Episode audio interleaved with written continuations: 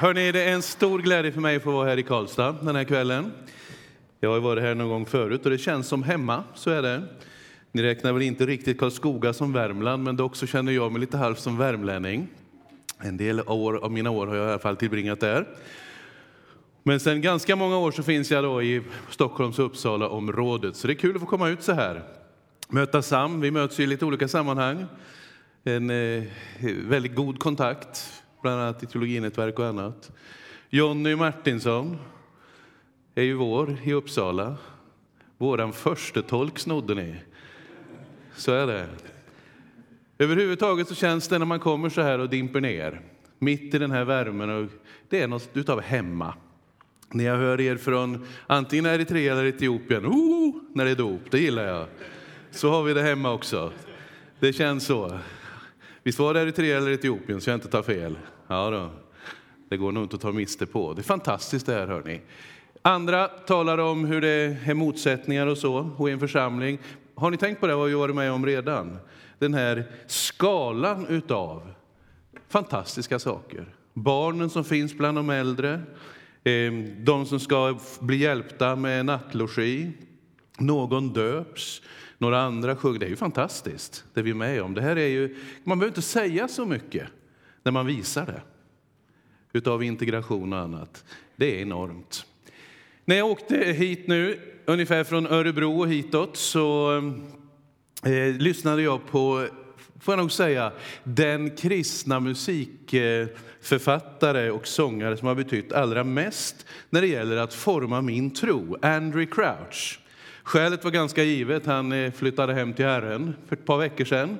Och jag hade anledning att lyssna igenom några låtar och på en gång så är det någonting som triggas igång. Jag skulle kunna, vi skulle kunna sjunga allihop nästan. Det är ju få författare överhuvudtaget som har den, eh, den genomslagskraften att vi någonstans långt bortåt polcirkeln till kan låtarna utan till alla de här. Och de är översatta eller inte. Precis när jag åker in i Karlstad så kör Andrew igång på pianot och så är det We need to hear from you.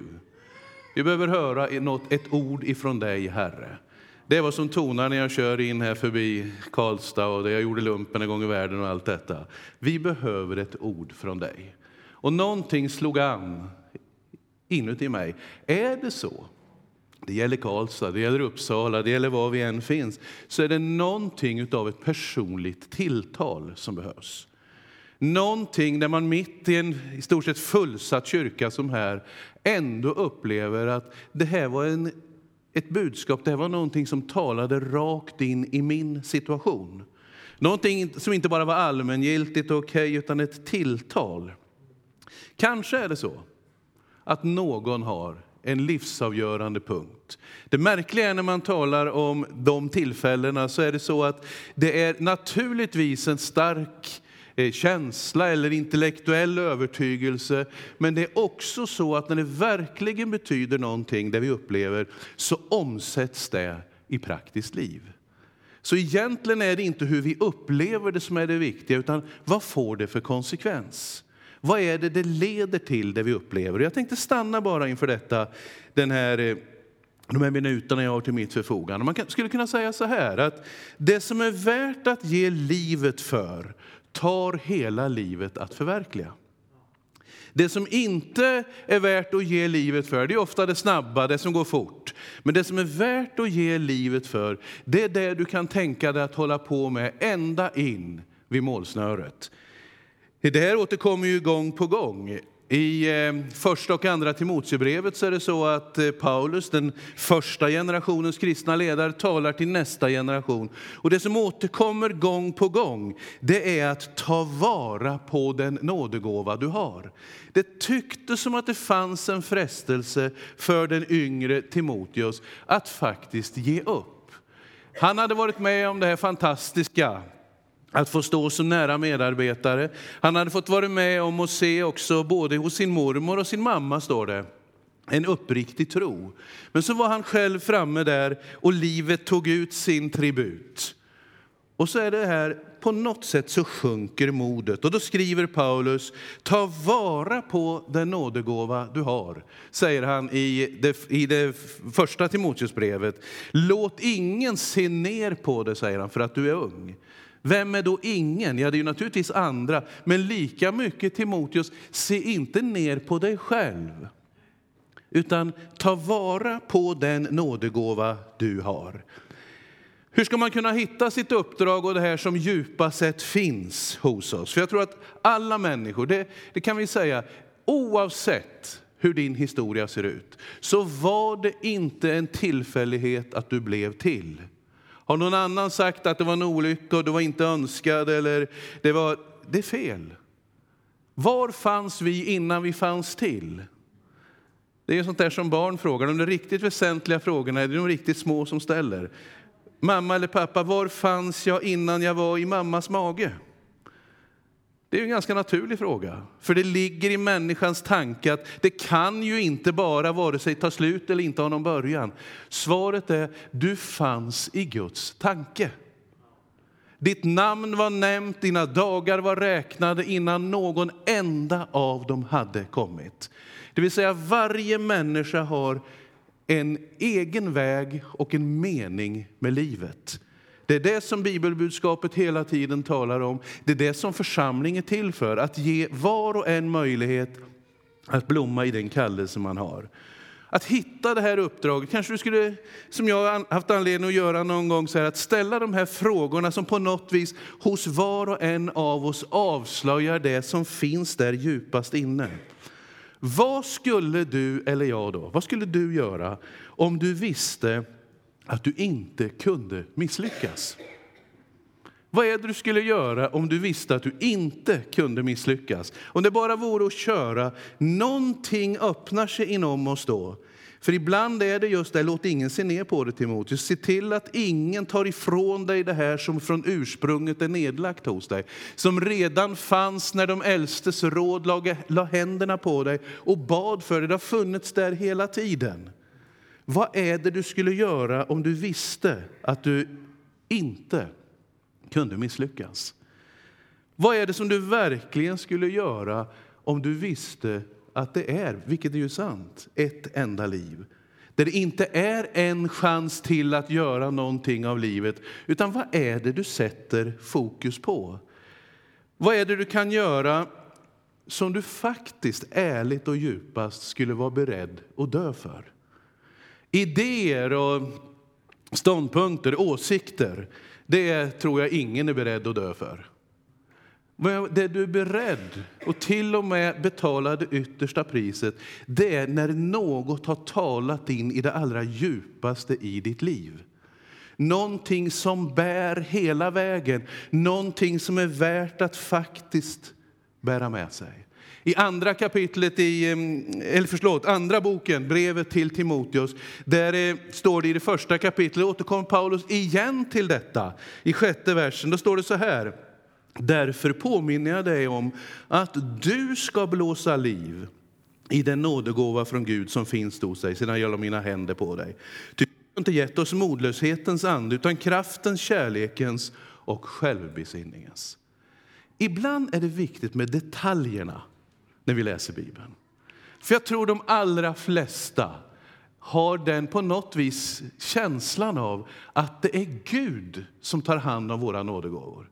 Det är han som skänker dem, det är han som har skänkt eh, ditt intellekt. Det är han som har tagit med dig genom det som har blivit en erfarenhetsbank som du kan bygga på. Det är han som har gett dig förmågan att ta in kunskap och så vidare. Men lägg märke till hur det står här. Därför påminner jag dig, säger Paulus till Timoteus, den här yngre ledaren. Du ska blåsa liv i den nådegåva från Gud som finns hos dig. Det är alltså inte Gud som blåser liv i vår nådegåva. Timoteus, det är du som ska ta vara på den nådegåva som du har fått. Ansvaret ligger hos dig, Timoteus. Och då blir frågan, vad är det som får oss att slockna på något sätt? Ordet här för att blåsa liv i, det är precis som vi gör när vi försöker få fart på en eld. När man blåser in i, i glöden så att det ska flamma upp. Timoteus, se till att du blåser in syre så att elden flammar upp. Om det ska bli en eld så behövs det ju bränsle, syre och rätt temperatur. Nu är jag säkert ute på hal is, för säkert, men ungefär så kan jag läsa mig till. Några av er har säkert jobbat som brandmän, ni vet. Vad är det för något bränsle som du har matat in? Är det brännbart i den här meningen att det faktiskt ger näring och bränsle till det som Gud djupast har sett i ditt liv? Det som är nedlagt. Vad är det du har tillåtit som kommer in? Kristna i alla tider, kristna globalt överallt, är alltid medvetna om att till slut så blir jag en produkt av det jag stoppar in. Det är därför det har varit oerhört viktigt att vara selektiv när det gäller vad du ser, selektiv när det gäller det du läser, selektiv med vilka du omger dig med. Vilket syre är det du ger in i ditt liv? Vilka miljöer är du en del utav?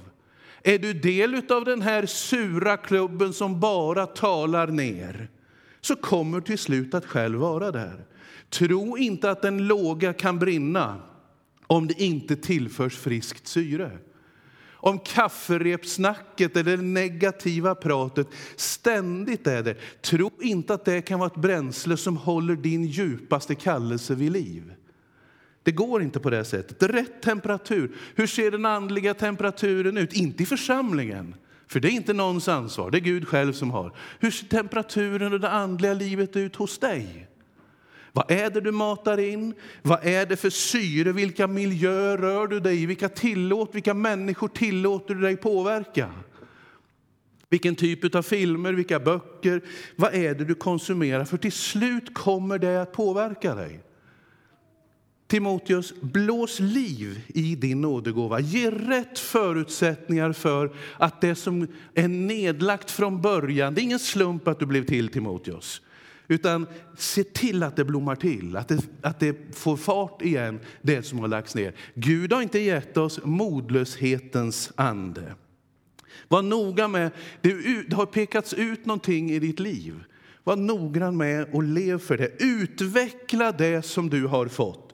Tänk på detta, säger Paulus. Lev i detta så att alla ser dina framsteg. Lev i det här. Var noggrann. Lägg märke till att det kommer att synas om du odlar den gåva som är. Det kommer att märkas. Hur är det på jobbet?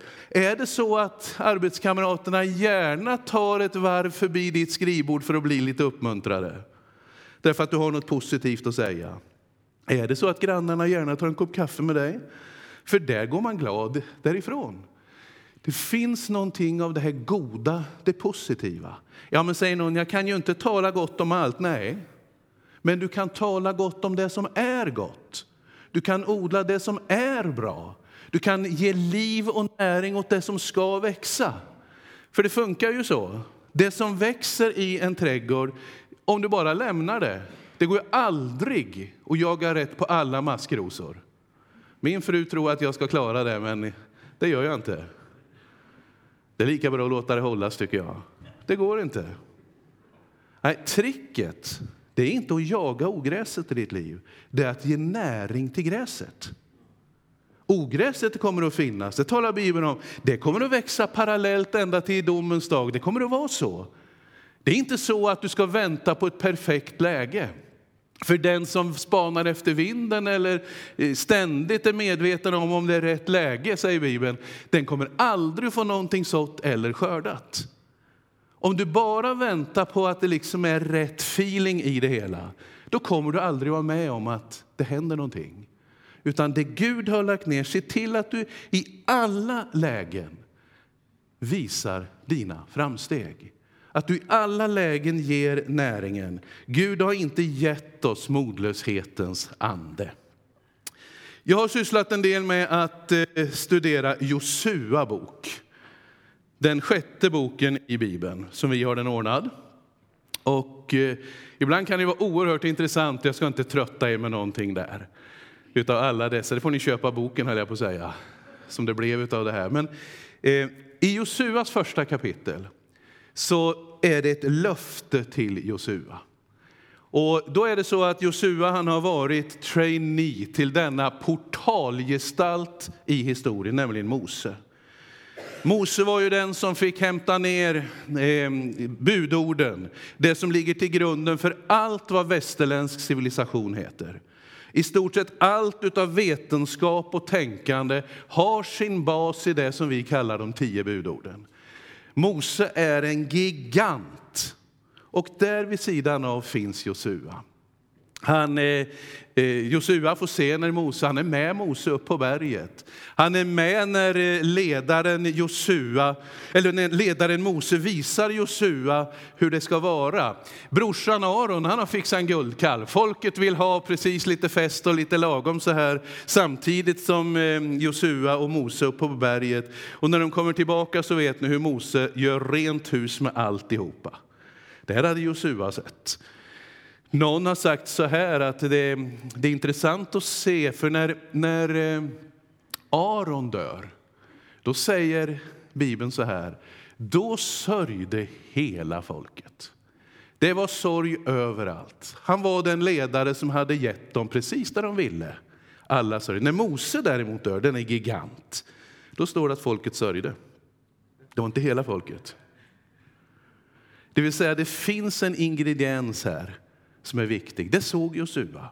Josua är trainee hos denne Mose och så står eh, historien och väger. Man har varit i 40 år ute i öknen. Man har sumpat chansen för 40 år sedan att gå in i löfteslandet. Några riktiga eh, struntpratare skickades iväg för att bespeja landet. De är två ifrån varje stam och så återvänder de till Mose. Och det är faktiskt bara två, Kalev och Josua, som eh, säger att det här är möjligt. Resten talar så destruktivt och negativt om möjligheten att inta landet så folket vänder sig mot Mose. Så ser det ut. Resultatet blir 40 år i ökentrakterna. Där får man vara. Men nu står man inför att gå in i landet. Mose är gammal, om du hänger med lite grann i, i geografi nu.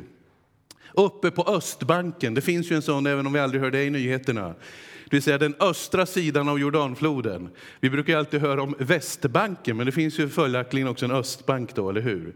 Där uppe finns Mose, uppe på Nebo berg. Han tittar in över löfteslandet och när man står där så kan man i princip över kullarna se Jerusalem.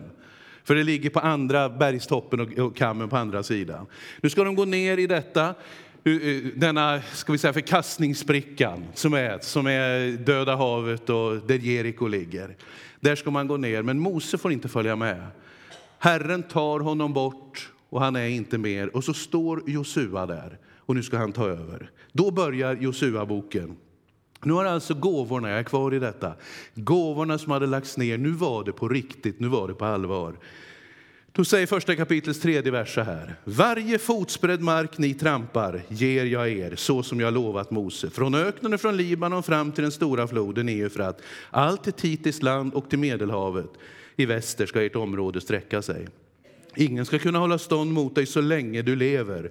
Jag ska vara med dig som jag var med Mose och inte svika dig och inte överge dig. Var tapper och stark. Fantastiskt. Där skulle vi kunna sätta upp som en eh, stor eh, liksom sån här bibelspråkstavla. Men vad hände sen? Vad hände sen? Den begåvade Josua, den färdigutbildade Josua, vad är det han får vara med om? Jo, han får inte en millimeter av löfteslandet till skänks. Och här är det intressant. Du som har en gåva, du som från början har känt att Gud har lagt ner en mening i ditt liv. Nu har han fört dig fram till den här punkten när du ska ta klivet att faktiskt komma i funktion. Då är det viktigt att du kommer ihåg Josua fick ta fight för varje fotsbredd av löfteslandet. Det är inte så att det som Gud har lagt ner är någonting billigt som kommer bara så här. Som någon magi eller nej. Har Gud pekat ut ett löftesland så kommer du att få fightas när du går igenom det. Var alltså inte förvånad över om det är tufft. Jag skulle vilja bara säga så här, i vår tid, och väldigt ofta så frestas vi alla att likt vår tid fästa fokus på starten i det kristna livet. Eller starten i ett projekt. Att starta en ny församling är något väldigt fint. Det är bra. Men om man skulle ha ett 100 meters lopp där kameragubben snodde fast kameran och bara visade starten, så skulle vi missa hela poängen. Startskottet går och Usain Bolt är först ur startblocken och vi kan liksom leva oss in i det där. Och så står kameran kvar och tittar på startblocken och loppet går. Det intressanta, det är när man går i mål. Starten är ganska viktig, men det helt avgörande är när du går i mål. Så är det också. Nu ska jag vända mig till dig som är lite äldre.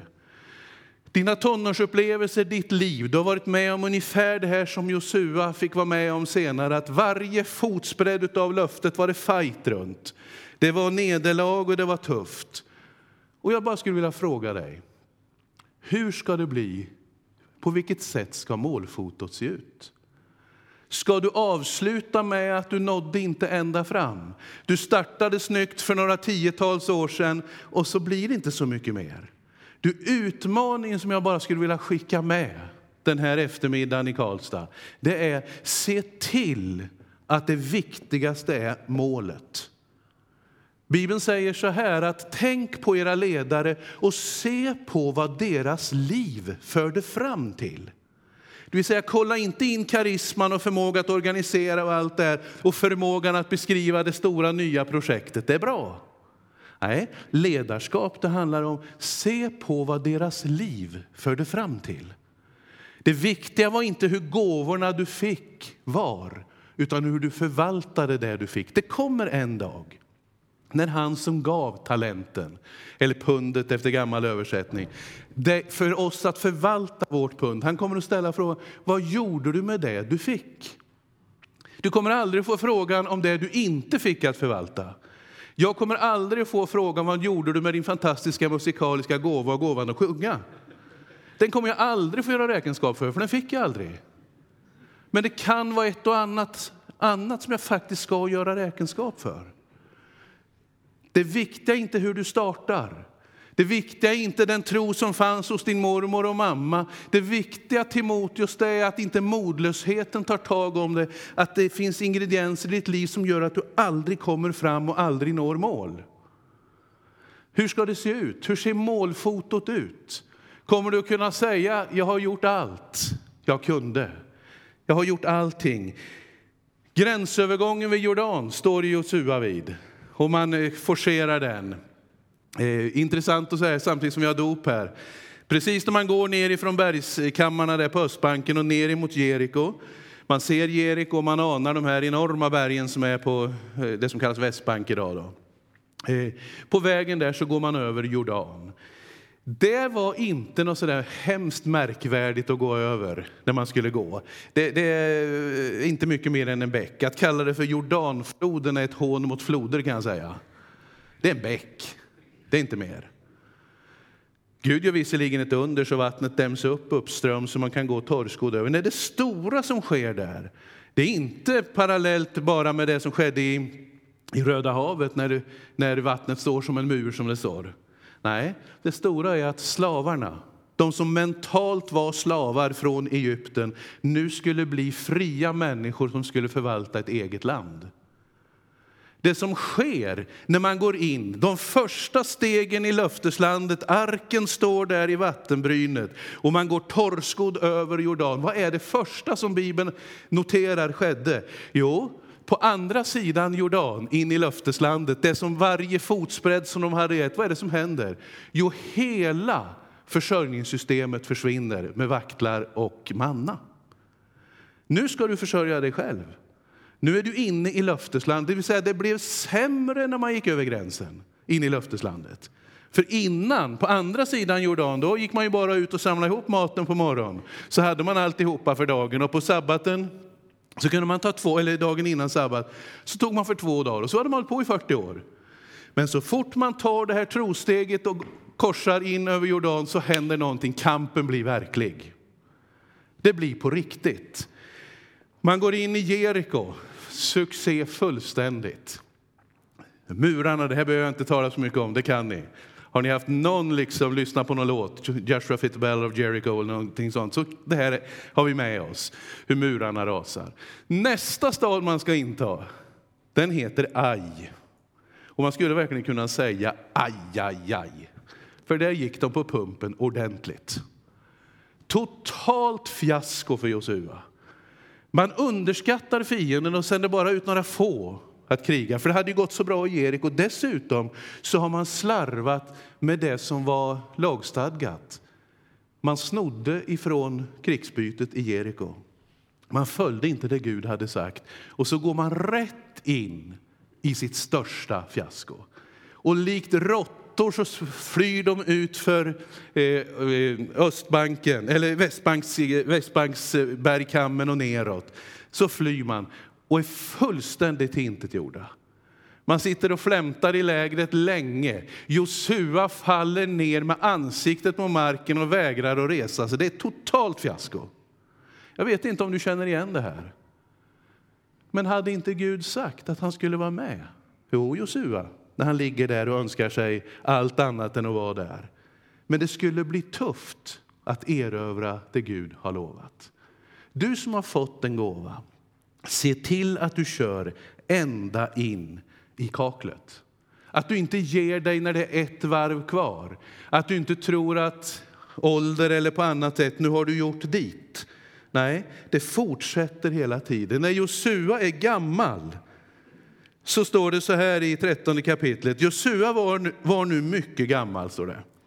Herren sa till honom, du är en gammal man, men av landet återstår mycket att ta i besittning. Alltså utav det som jag lovade dig Josua så är det inte färdigt trots att du är gammal. Fortsätt ända in i det som jag lovade, stå kvar. Ta de små striderna på allvar. Planera för framgång. Du som eh, har hamnat i ett läge i ditt liv där du inte planerar något. Det läget finns inte. Om du inget gör planerar du för fiasko. Om du bara tror att det ska liksom ordna sig, det är inte ett kristet sätt att tänka. Bibeln säger så här att innan, då drogs ni viljelöst med bort till de stumma avgudarna. Men nu, säger han, nu är det annorlunda. För den som har tagit emot Jesus har fått ett driv i sitt liv åt rätt håll. Man blåser liv i det Gud har gett. Man väntar inte på att det ska komma någon vind och hjälpa mig, utan jag blåser liv i detta. Var noga, ge aldrig upp. Låt hela tiden det fort, besegra kungarna. Och så räknas de upp. Josua-boken är på det sättet. Eh, det viktigaste, vad är det? Jo, det är att bevara tron. Tron på Gud, tron på dig själv och tron på det sammanhang du är satt i. Paulus han säger så här när han ska summera sitt liv. Jag har kämpat den goda kampen, jag har fullbordat loppet och där skulle vi nog satt punkt. Men Paulus säger, jag har kämpat, jag har fullbordat och jag har bevarat tron. Inte ens för denne portalfigur i kristenheten så var det självskrivet att tron skulle bevaras. Damaskusvägens upplevelse, de här enorma andliga upplevelserna där han blir lyft upp ända till vilken himmel det nu var. Hörde sånt som inte människor ska uttala. Han är otroligt stark. Och samtidigt var det inte självklart att tron skulle vara där. Tron på Gud, den kanske inte är så svår. Det svårare är att bevara tron på dig själv. Tron på att Gud faktiskt la ner någonting. Du har varit med om både Jordan, Jeriko och Aj. Du har gått på pumpen, du har varit med om nederlag som du själv har vållat. Då krävs det att Gud får blåsa liv i detta som är tro. Tron på att han faktiskt menade någonting med dig. Är du en Josua som ligger med eh, ansiktet rakt i backen så är Herren där. Och vet ni vad Gud sa till Josua? Då skulle man kunna tro att nu kommer jag med min kraft igen och nu ska, nej, vet ni vad Gud säger? Vad ligger du där för Josua? Det är vad han får höra. Vad ligger du där för? Res dig upp. Vad ligger du där och tycker synd om dig själv? Kör på! Jag har ju lovat dig att vara med även i fiaskot. Att våga igen, att faktiskt börja. Berättelsen om Aj, det intar man sen. Man mobiliserar sig och man intar det som var löftet ifrån Gud. Jag skulle önska att de här minuterna jag har talat här i Karlstad skulle få vara till någon. We need to hear from you. Vi behöver höra en röst ifrån himmelen som talar in i en människas liv. Kanske är det så att du har varit med om de här fighterna. Du trodde att löftet var detsamma som lättköpt. Du hade på något sätt hoppats att det skulle se annorlunda ut. Du startade och du var välputsad och du hade visioner och du visste hur det skulle vara. Och så har det hotat. Tron på Gud har varit igång, i gungning. Tron på dig själv har fått en rejäl knäck. Och tron på sammanhanget du står i har du själv och andra pratat sönder. Tänk om Gud fick komma. En röst som säger lita på mig. En röst som säger jag litar på dig. Och en röst som säger jag vill något med Pingkyrkan i Karlstad. Det är mycket brister. Det är massor med grejer, men Gud talar in och säger jag vill någonting. Det var därför jag la ner gåvor i ditt liv. Det var därför du fick ett intellekt. Det var nådegåvor ifrån Gud själv. Därför att jag har en plan. Och varje fotspädd mark du trampar ska jag ge dig. Men tro inte att det ska bli lätt, för det kommer det aldrig att vara. Och framför allt, fokusera inte på starten, utan på målet. Jag möter ganska många som säger så här, ja men jag hade så starka upplevelser när jag var ung. Det var så mycket av det som jag, vi var på tonårsläger eller vad det nu var. Och så stannar man där.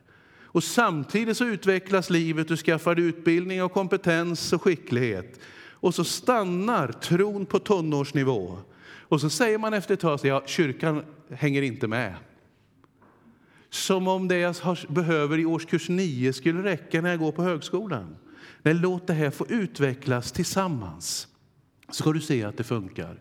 Det är inte så att matematiken slutade i årskurs 8. Den fortsätter om du läser vidare. Det är inte så att tron på Gud och den intellektuella substansen i tron slutar i de svar du fick när du gick kristendomsskolan i årskurs 8 eller vad ni har. Nej, det fortsätter och låt det växa tillsammans. Blås liv i din nådegåva. Ta, ta vara på detta. Ansvaret ligger hos dig. Gud har lagt ner sina gåvor, han har en plan. Och ligger du nu platt, då säger Gud, vad ligger du där för? Res på dig. Jag har ju en tanke och en plan. Och du som bara har fokuserat på starten och du tror att nästa steg, det vore till exempel om vi stannar i församlingen, det vore att starta något nytt eller så. Det här är ju, nu har kyrkan stått här och det är gammalt och det är trögt. Och, du, fokusera på målet istället. Vad vill Gud för fortsättningen? Starten var bra, men det viktiga är målgången. Starten i våra liv är viktig, men det är målgången som är viktigast. Du som är äldre, låt mig utmana dig till sist. En gång till är det möjligt. Kalev, han som var med och spejade, han går till sin gode vän Josua. Josua hade då gjort karriären och står högst upp i rangordning. Kalev han var kvar som fotsoldat. Men han går ändå dit och så säger han, det var ju du och jag som eh, överlevde öken, det var vi som trodde för 40 år sedan. Och nu är jag, han var över 80 år, då säger han, jag är lika stark nu som tidigare. Ge mig Hebron, där jättarna bor. Ge mig den svåraste bergspasset så ska jag inta det. Och det enda Josua, jag skulle tippa något förvånad, har att göra det är att välsigna honom. Och han intar så småningom Hebron. Du som är äldre, en gång till är det möjligt. Din framtid är inte bakåt, den är framåt. Det är målgången som är viktigast. Det var inte dina tio första år som är viktiga, det är dina tio sista år som är viktigast. För så ser livet ut. Det är inte hur vi startar och hur vi har gått upp och ner och misslyckats och syndat och blivit upp. Det är inte det som är det viktiga, utan det viktiga är att vi går som segrare in och spräcker målsnöret först. Det, jag kämpar, säger Paulus, jag boxar inte i luften, jag gör allt för att nå det som är där framme. En gång till så är det möjligt. Kalev ber att få en gång till. Och så till sist, när Josua, mycket gammal, ska en gång till hålla ett tal till folket. Då samlar sig alla. Det är tusentals som samlas och ledaren de hade följt under många år skulle nu hålla sitt avskedstal. Och då skulle det vara lätt att föreställa sig att nu blir det tal om hur underbart det var förr. Det brukar ju bli så när vi gamla ska säga något. Det var så fantastiskt förr. Men vad gör Josua? Jo, han hostar upp sig en gång till, mycket gammal. Och så håller han ett lysande tal. Och vad är innehållet? Jo, det är Idag får ni välja vem ni vill följa. Jag och mitt hus, vi vill följa Herren. Vad ni andra än väljer, se till att ni inte eh, antar det som fiendefolken har som gudar. Se till att ni inte låter er infiltreras av det. Jag och mitt hus, vi vill tjäna Herren. Och nu idag, säger Josua, nu idag får ni välja vad ni ska göra. Jag har valt, mitt val är gjort. Nu är det viljan det handlar om hos er. Ni har fått se hur Gud har hjälpt genom åren som har gått. Ni har sett hur han hjälpte sin tjänare Mose och hur han har varit trofast när vi har intagit landet. Men nu i den här punkten så är valmöjligheten, vad, vem, vem ska du tjäna? Jag och mitt hus, vi vill tjäna Herren. Det det slutar i, det är att folket sluter upp. Ledare för ledare bland folket säger, vi ska gå med dig. Vi ska gå med. Vi vill också tjäna Herren.